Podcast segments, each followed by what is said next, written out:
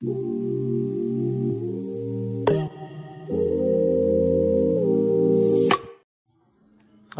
jumpa lagi di podcast uh, Geowater Channelsa. Kali ini podcast Geowater Channelsa edisi bulan Ramadan dan adalah uraian mengenai uh, geoscience dan water science yang ada di Al-Quran.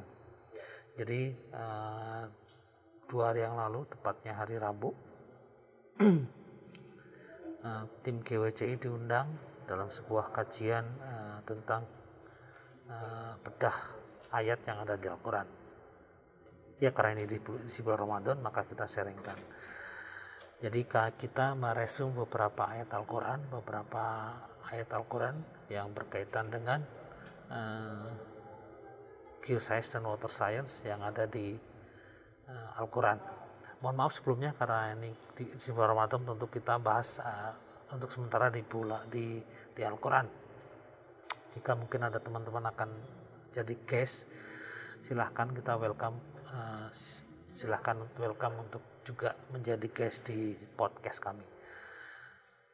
Demikian jadi itu mungkin ada sekitar 40 menit ke 50 menit kajian sangat menarik diskusinya juga ramai cuma diskusinya kita potong ya kita nggak nggak sampaikan. Cukup menarik uh, dari target satu jam melebar sampai uh, hampir satu jam dua jam.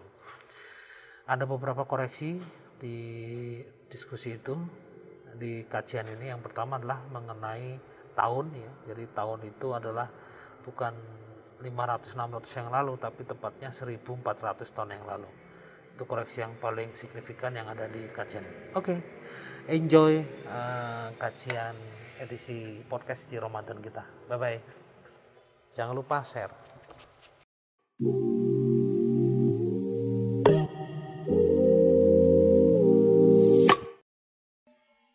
Pada siang hari ini alhamdulillah kita berkumpul di Masjid Al Artinya apa tuh, Pak?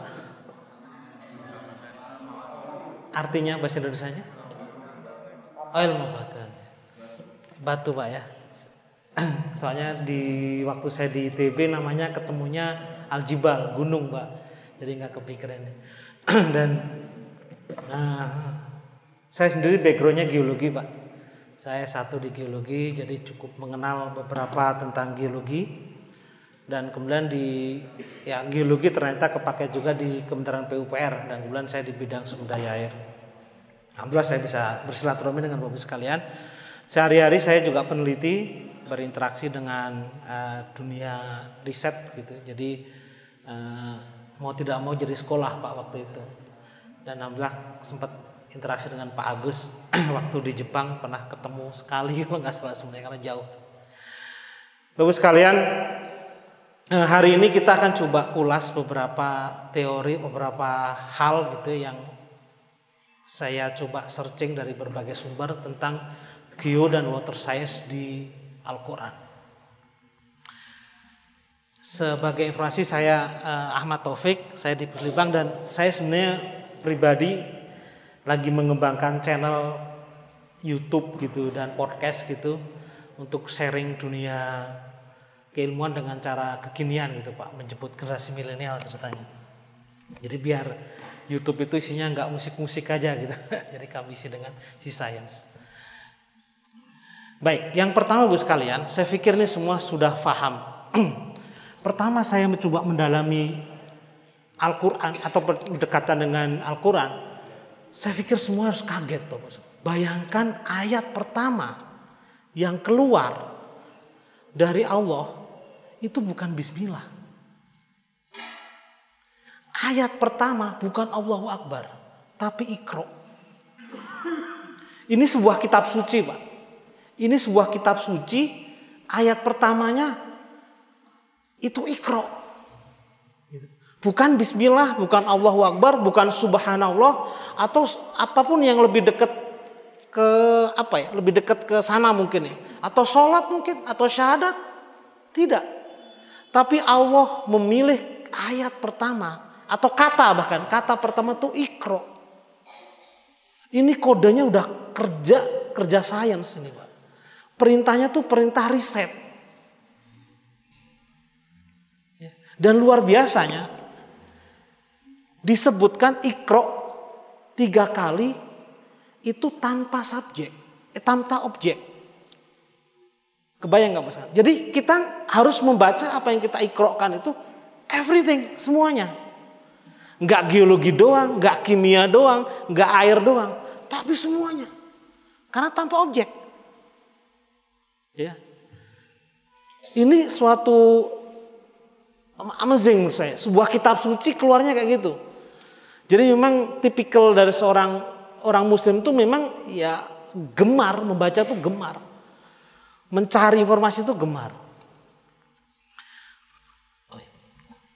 Rada ma ma maaf ya Pak ya, soalnya perutnya berat ini kalau duduk. Berat badan sudah nggak ideal ini.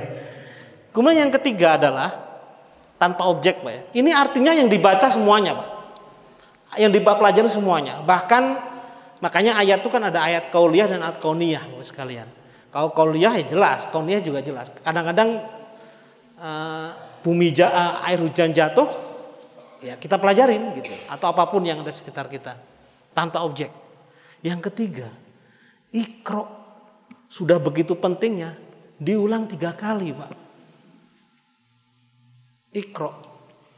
Mak, uh, Rasul nggak bisa jawab gitu. Anal, saya lupa bahasa balasnya gimana. Ikro, ikro. Kemudian baru ikro bismi rabbika ladzi.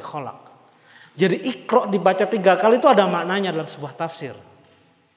Yang pertama adalah ikro dengan menggunakan indera. Jadi kita membaca semua fenomena, semua fenomena makanya tanpa objek. Kalau bahasa Inggrisnya Ikro bahkan itu perintah kata perintah yang apa? Present ya, bukan pas, bukan future tapi present. Jadi berlaku semuanya. Kapan pun. Yang pertama itu ikro pertama maknanya itu menggunakan panca indera kita. Diukur, dirasakan gitu ya. Yang dimaksud ikro Allah itu bukan itu. Bukan hanya itu. Kemudian Allah menyebut lagi ikro Nabi Muhammad. Saya lupa jawabannya apa ya.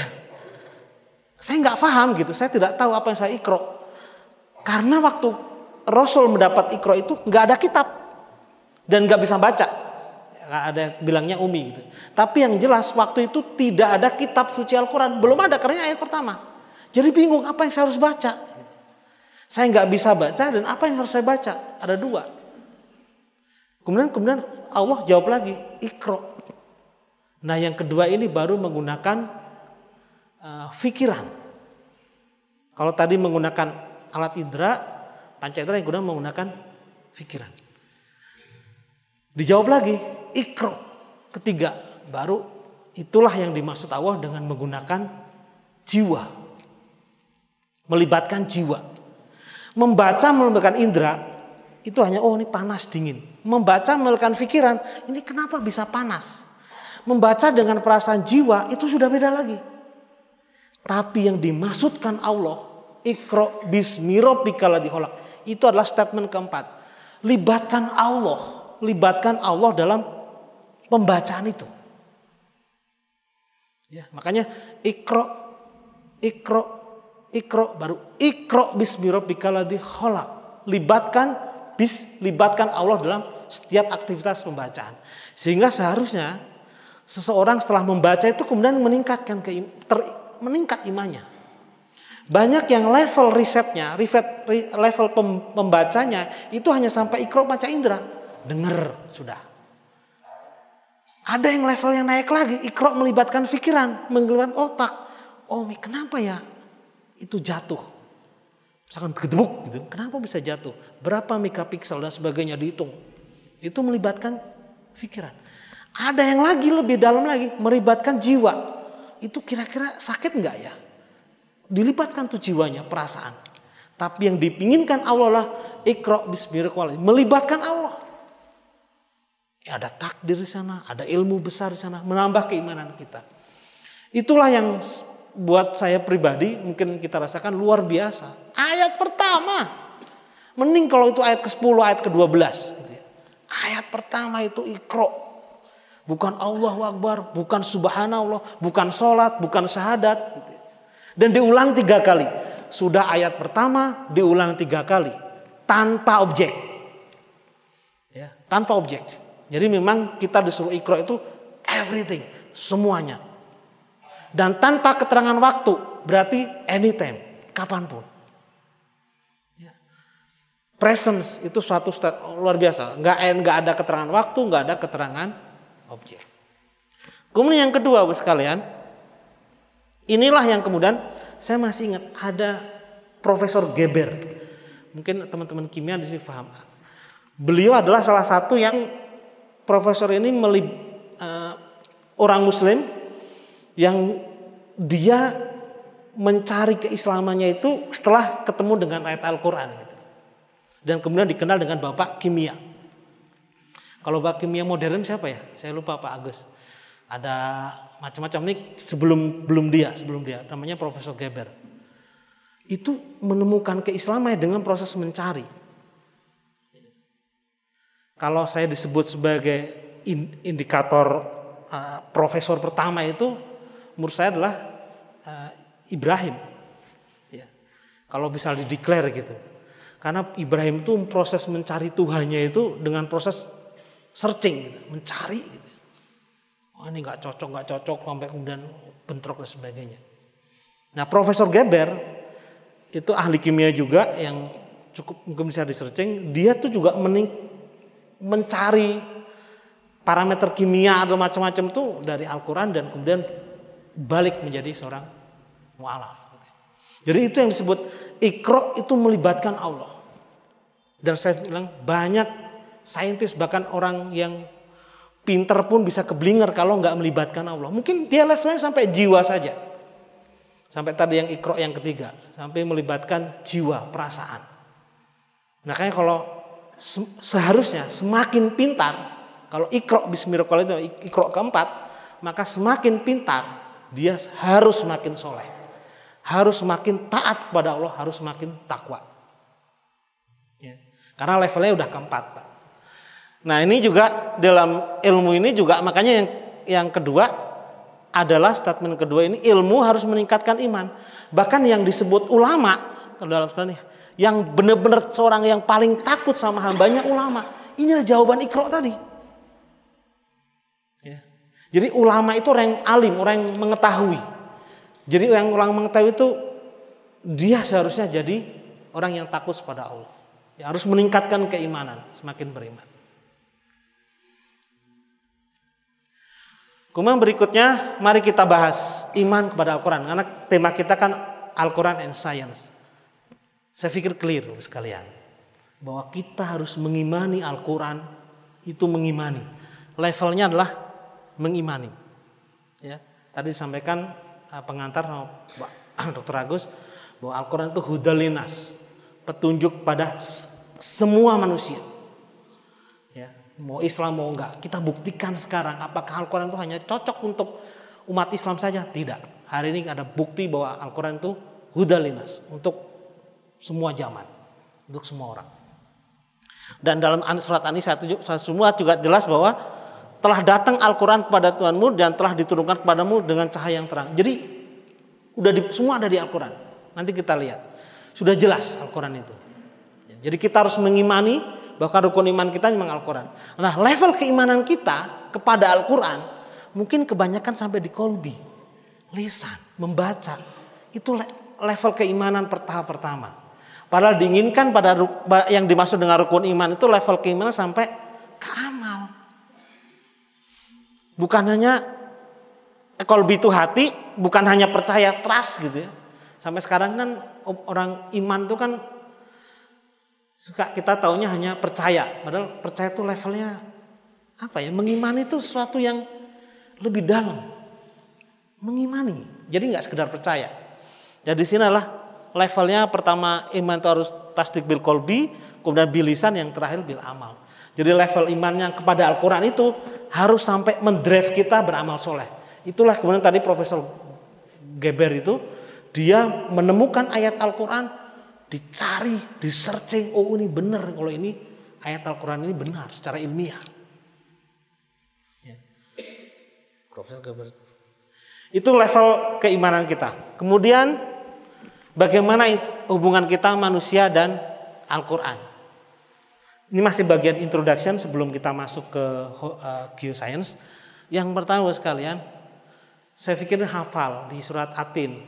Waman khalaqtul insana fi ahsanik takmin.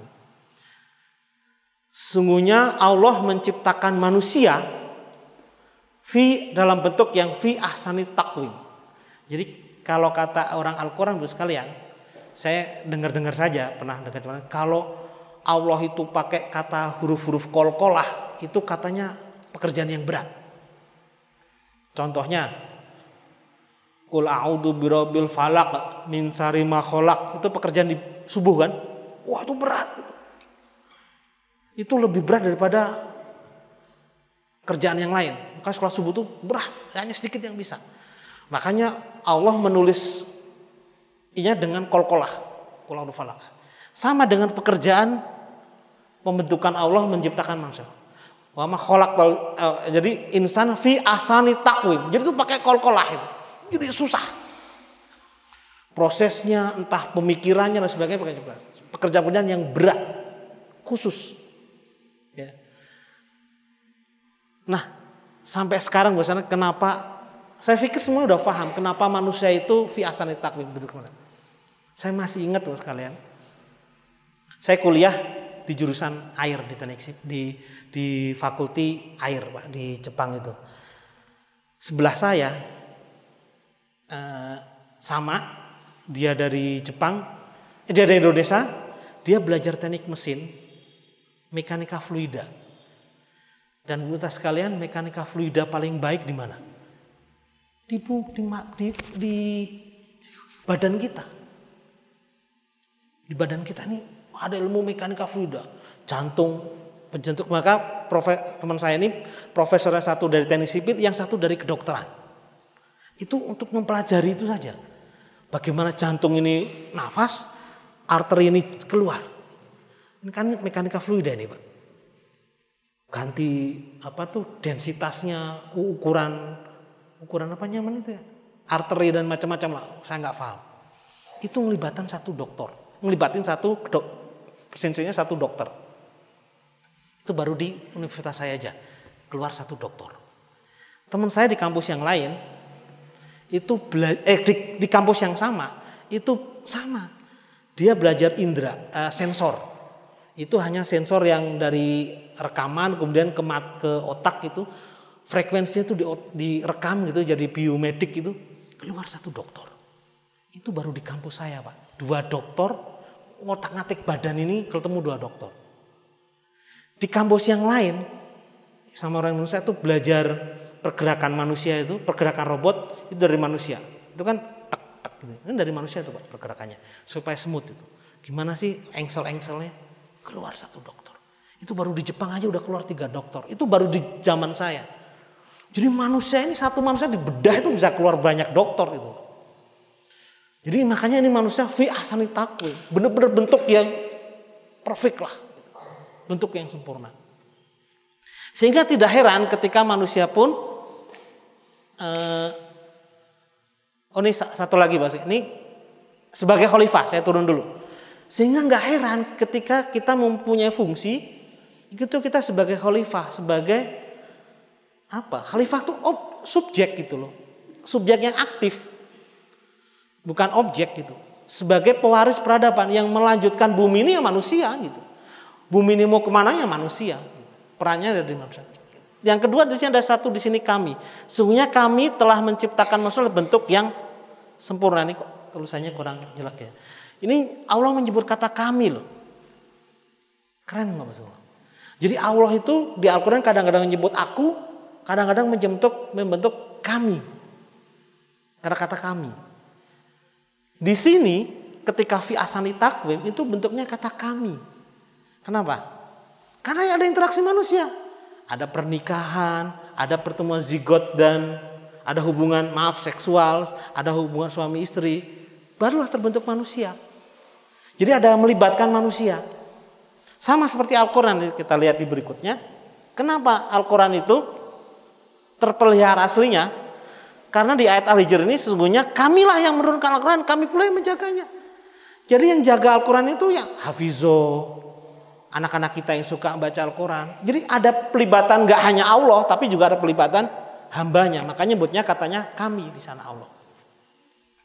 Nah, kembali ke sini dengan fi asani takwim tadi, makanya gak heran kalau fungsi kita sebagai khalifah mewariskan yang harus bongkar Al-Quran dari sains kita ya kita. Gitu ya. Kemudian kita masuk the miracle of Quran sebelum kita ngomongin geologi dan water Pak. Jadi ini ini induknya. Yang pertama Bu sekalian kita harus paham bahwa Al-Quran itu turun 1400 Masehi. Sedangkan ilmu dibongkar itu ada nanti ilmu-ilmu geologi ilmunya itu paling sekitar 600 600 yang akan datang sekitar 1912 paling pagi 1600 1800 itu banyak yang nggak kerekod karena 1912 itu baru ada ditemukan kertas dan sebagainya. Jadi level selisihnya tuh 700 600 tahun. Jadi Al-Quran udah ngomong duluan ilmu baru ilmu tahun baru ketemu belakangan mari kita lihat nanti. Dan Al-Quran itu bukan book of science ya, book of science. Atau kode-kode jadi bukan. Kita jangan mengharapkan di Al-Quran semua ilmu ada gitu ya. Karena kita bukan ensiklopedia gitu ya. Kita sudah paham juga ilmu sastra dan ini uh, Al-Quran adalah syumul atau lengkap. Makanya karena kesumulan Islam, Bapak Ibu bisa bandingkan lah. Sebuah kitab suci bisa mengatur selengkap itu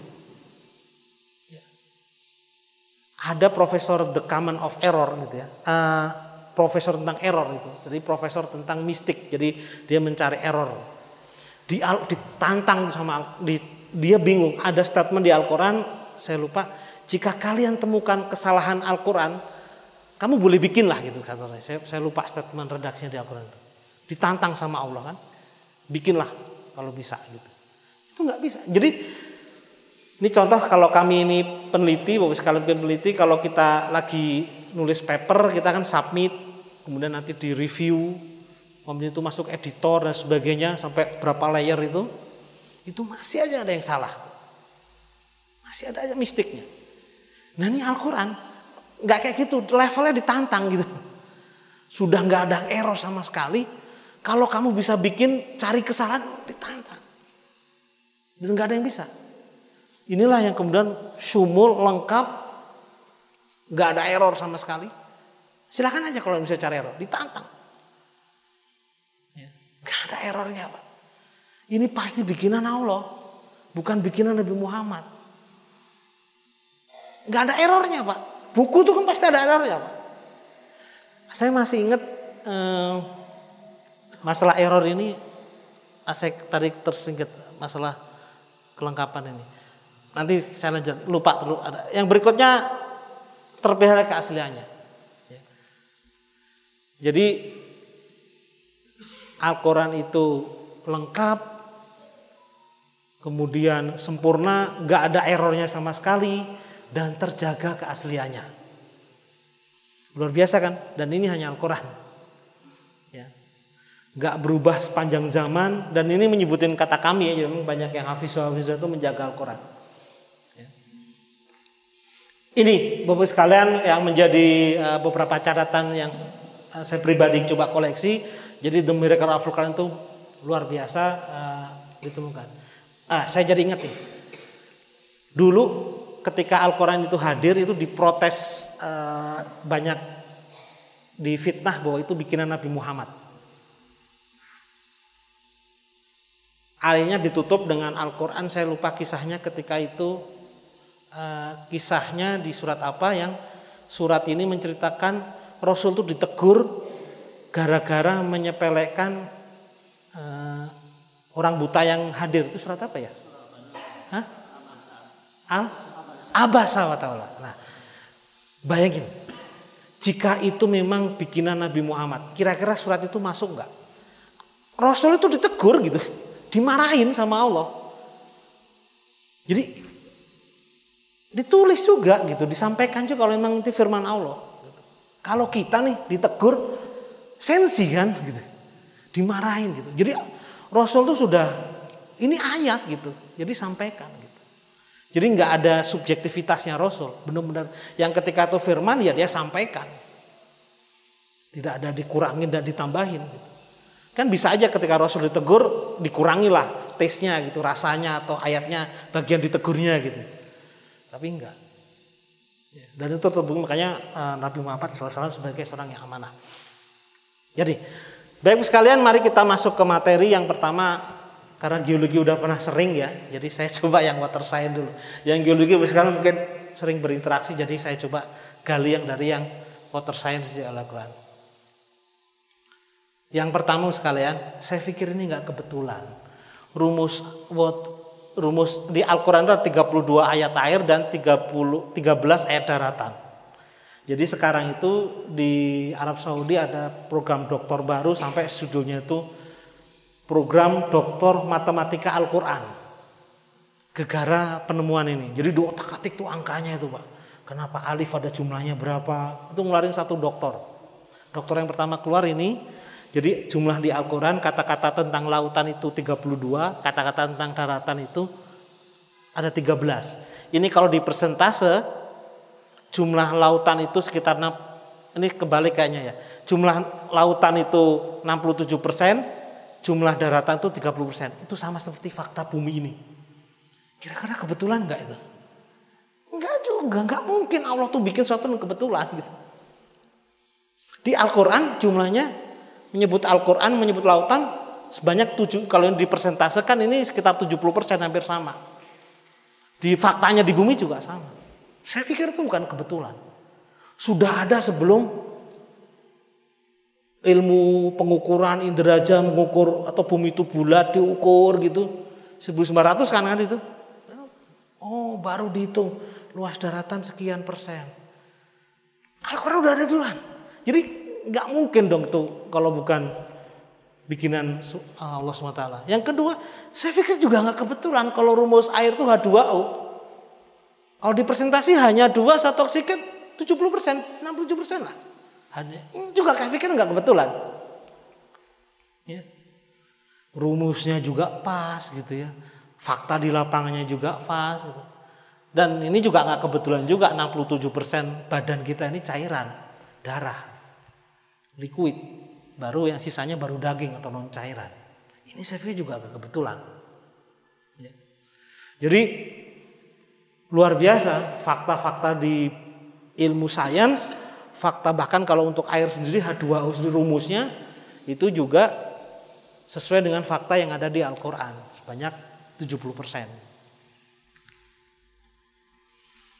Baik, sekalian kita masuk ke ayat-ayat Al-Quran yang membicarakan tentang water science di Al-Quran, saya hanya mengoleksi lima. Ini yang menurut saya uh, pribadi ini uh, pribadi yang saya coba pelajarin sesuai dengan pengalaman yang ini yang paling deep dan setelah saya pikir-pikir luar biasa bos sekalian. Al-Quran di surat Ar-Rum ayat 40 itu ngomongin siklus hidrologi. Allah mendorong angin lalu kemudian sebagainya membentangkan gumpalan dan kemudian turunlah hujan. Ini siklus hidrologi dan ini adalah induk ilmu air. Ini baru dijumpai tahun 1912 karena nggak ada penulisnya. Jadi kalau siklus hidrologi koma siapa nggak ada. Jadi waktu itu sains memutuskan itu 1912-an lah ketika mulai ada ilmu pertama. Ini ada di Al-Quran yang lahir 1400-an. Bagaimana mungkin itu bisa ada? Gitu. Tahun 1900 sudah ditemukan ilmu psikologis baru ditemukan setelah jaraknya sekitar 600 atau 500 tahun. Mazing nggak Al-Quran sekali.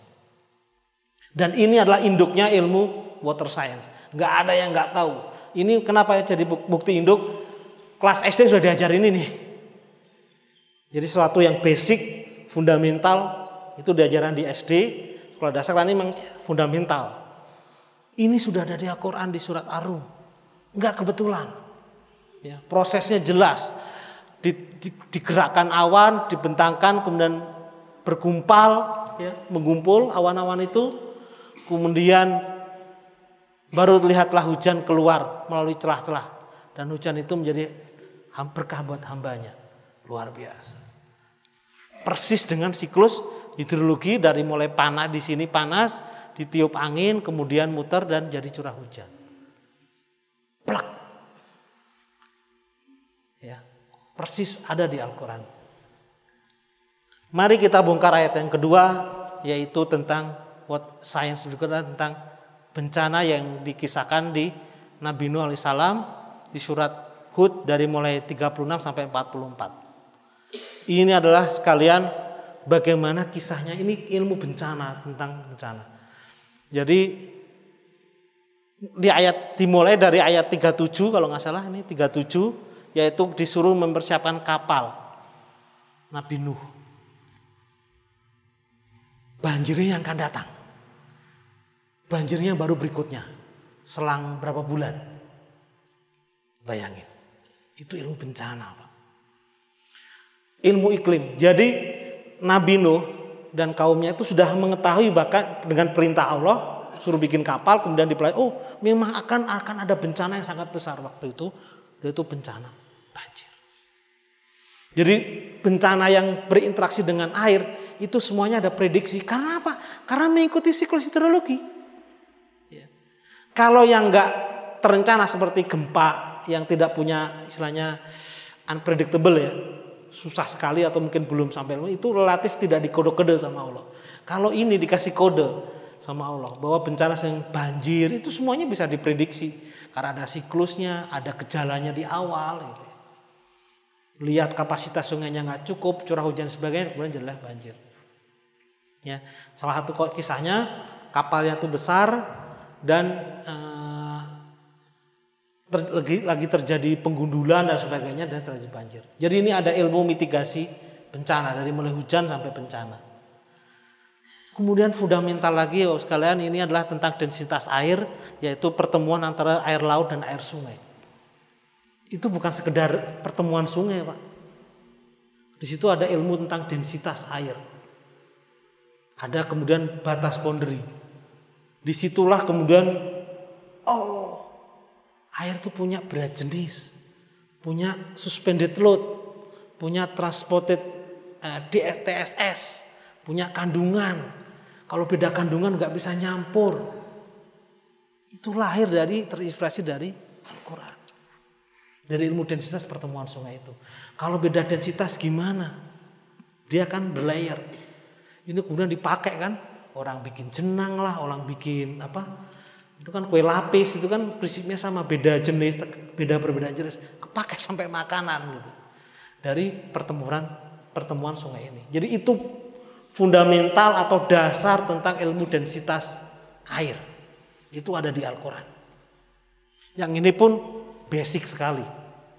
Jadi setelah saya setelah saya pelajarin dari lima yang pelajaran di Al-Quran ini ada beberapa jadi yang di, di Al-Quran itu suatu yang sangat fundamental gitu kalau pengembangannya tentu nggak nyampe dia nggak cukup Al-Quran itu. Gitu. Fundamental sekali. Berikutnya ini juga fundamental antara mata air, batuan dan tumbuhan di Al-Baqarah 74 dan uh, Al-Naziat 30 30 sampai 31. 30 30. Jadi ini juga tentang bagaimana keluarnya mata air. Ini yang menjelaskan mata air itu keluar tuh pasti melewat rengga-rengga batuan, ya di sini sebutnya batuan, dan juga akan menyuburkan tumbuhan. Jadi teman-teman yang geologi mungkin paham. Ya, ini satu paket pak antara mata air, batuan dan tumbuhan. Satu paket.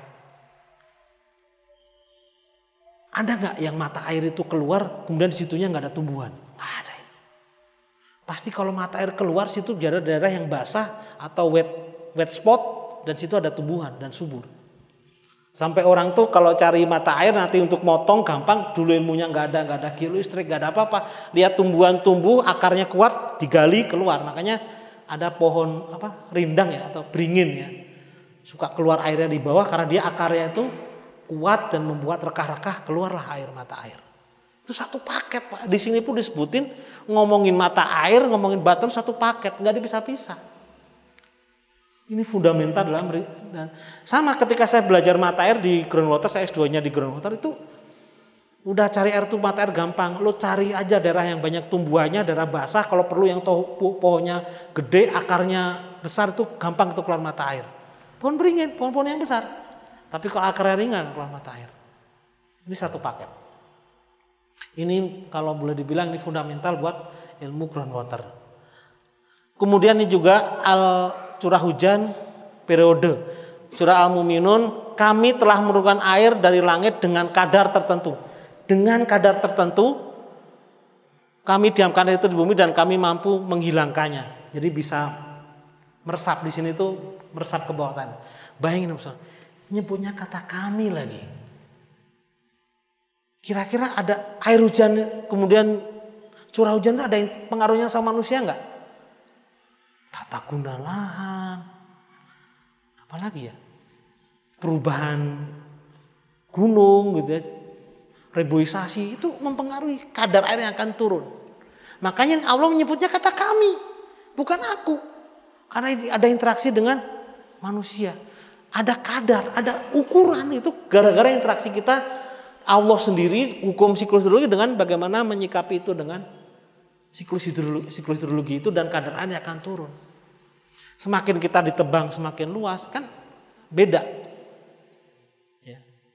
Bogor sama Bandung beda, Bogor sama Jakarta juga beda. Lihat dengan posisi bagaimana tata guna lahannya sebagainya. Dan itu akan berubah kadarnya sesuai dengan interaksi kita sama hujan itu dalam tanda petik bagaimana kita menyikapi tata guna lahan, bagaimana mereboisasi, bagaimana hulu, hulu kita dan sebagainya. Makanya hubungannya satu paket dengan kadar, jumlah, volume. Ini juga basic fundamental untuk ilmu water. Ya, makanya di ilmu air itu ada periode 2 tahun, 5 tahun, nah, udah minta.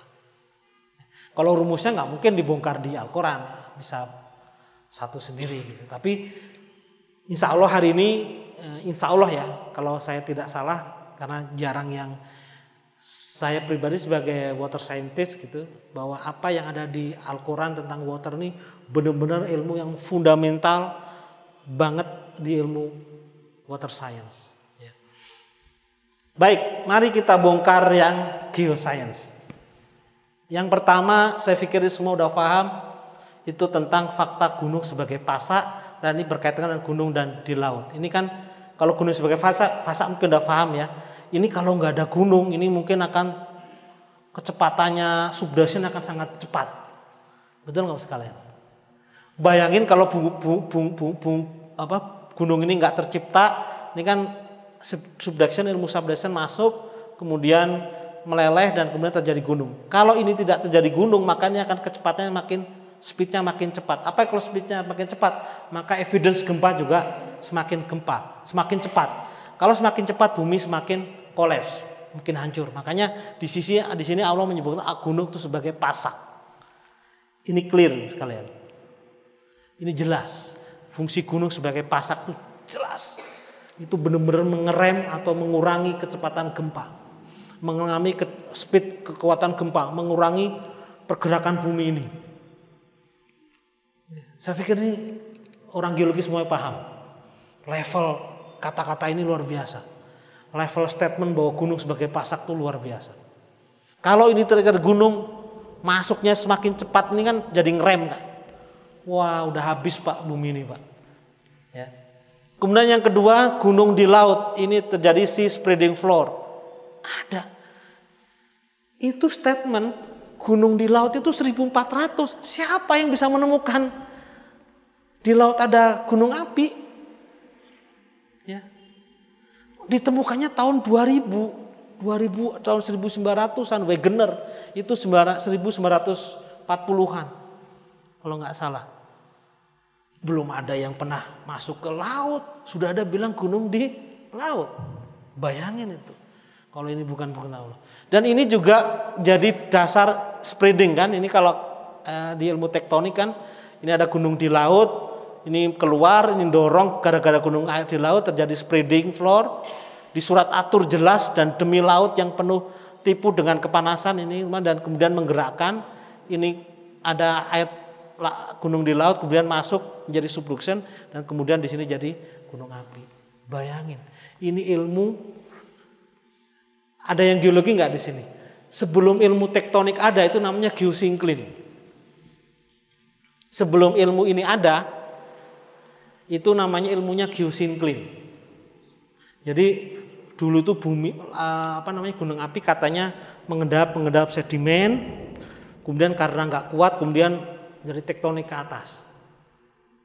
Nah gara-gara Al-Quran ini, kemudian bukan gara-gara Al-Quran sih, ilmu tektonik lempeng sehingga diberi teori tektonik lempeng dengan pergerakan lempeng ini merubah semua ilmu kebumian yang ada.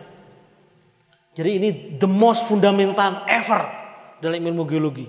Gara-gara tektonik lempeng ini kita jadi tahu ada ilmu gunung api, kita jadi tahu sumber gempa di mana, kita jadi tahu di mana mineral-mineral itu ada.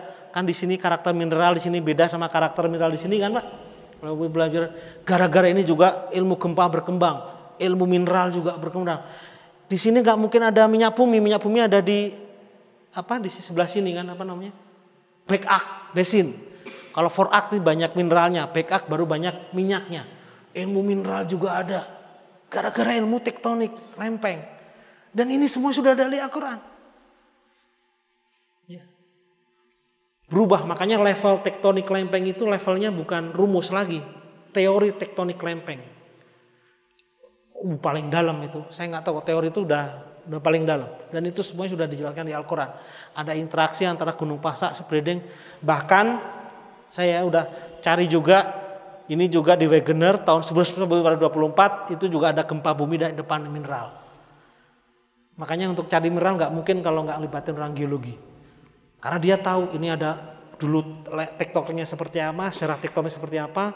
Oh kalau mineral ini ada di sini, mineral A ada di sini itu karakternya kan tergantung dari evidence tektonik. Dan itu kejawab setelah Wegener ngeluarin ilmu tektonik lempeng.